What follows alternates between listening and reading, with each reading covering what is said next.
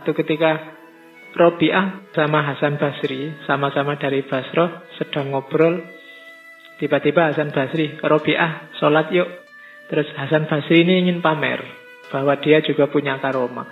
Ngambil sajadah, naik ke atas air sungai, terus sajadahnya digelar di sungai. Sholat di atas itu, tapi Robiah ketawa aja. Eh Hasan Basri kalau kamu mau pamer nanggung, gini aja terus. Robiah melemparkan sajadahnya ke udara. Ayo kita sholat di atas saja. Sekalian biar orang lihat sak kota.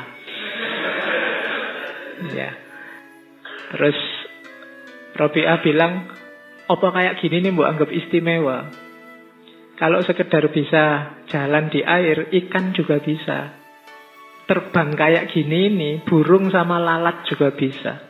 Tidak ada istimewanya. Yang istimewa adalah istiqomah kita di jalannya Allah. Itu salah satu cerita karomahnya. Yang lain-lain banyak. Yang di buku-buku banyak diceritakan misalnya pencuri. Ada pencuri itu masuk ke rumahnya Robi'ah. Begitu di dalam pencurinya bingung sendiri. Apa yang diambil? Tidak ada apa-apa di rumahnya Robi'ah. Pencuri tidak cerdas. Wong ngerti orang miskin tidak punya apa-apa zuhud uzlah kok dicuri.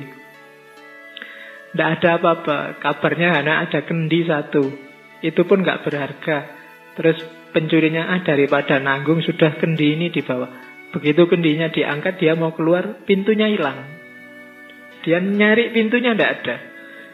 Kendinya dikembalikan lagi. Pintunya kelihatan. Terus, ah itu pintunya di situ ya pokoknya. Terus tak ambil lagi kendinya. Hilang lagi pintunya. Itu karyawannya Robi'ah. Tapi pagi-pagi Robi'ah ngerti, wah kasihan sekali kamu ke sini nggak dapat apa-apa. Yuk tak kasih sesuatu biar pulangnya tidak tangan hampa. Ya, sama Robi'ah tidak dikasih barang. Tapi diajari bermunajat, berdoa pada Allah. Nanti kabarnya maling ini akhirnya jadi salah satu pengikutnya Robi'ah.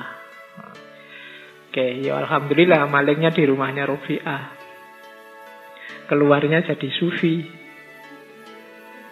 Nah, iya kan, maling di rumahnya wali kan ya keluarnya jadi wali.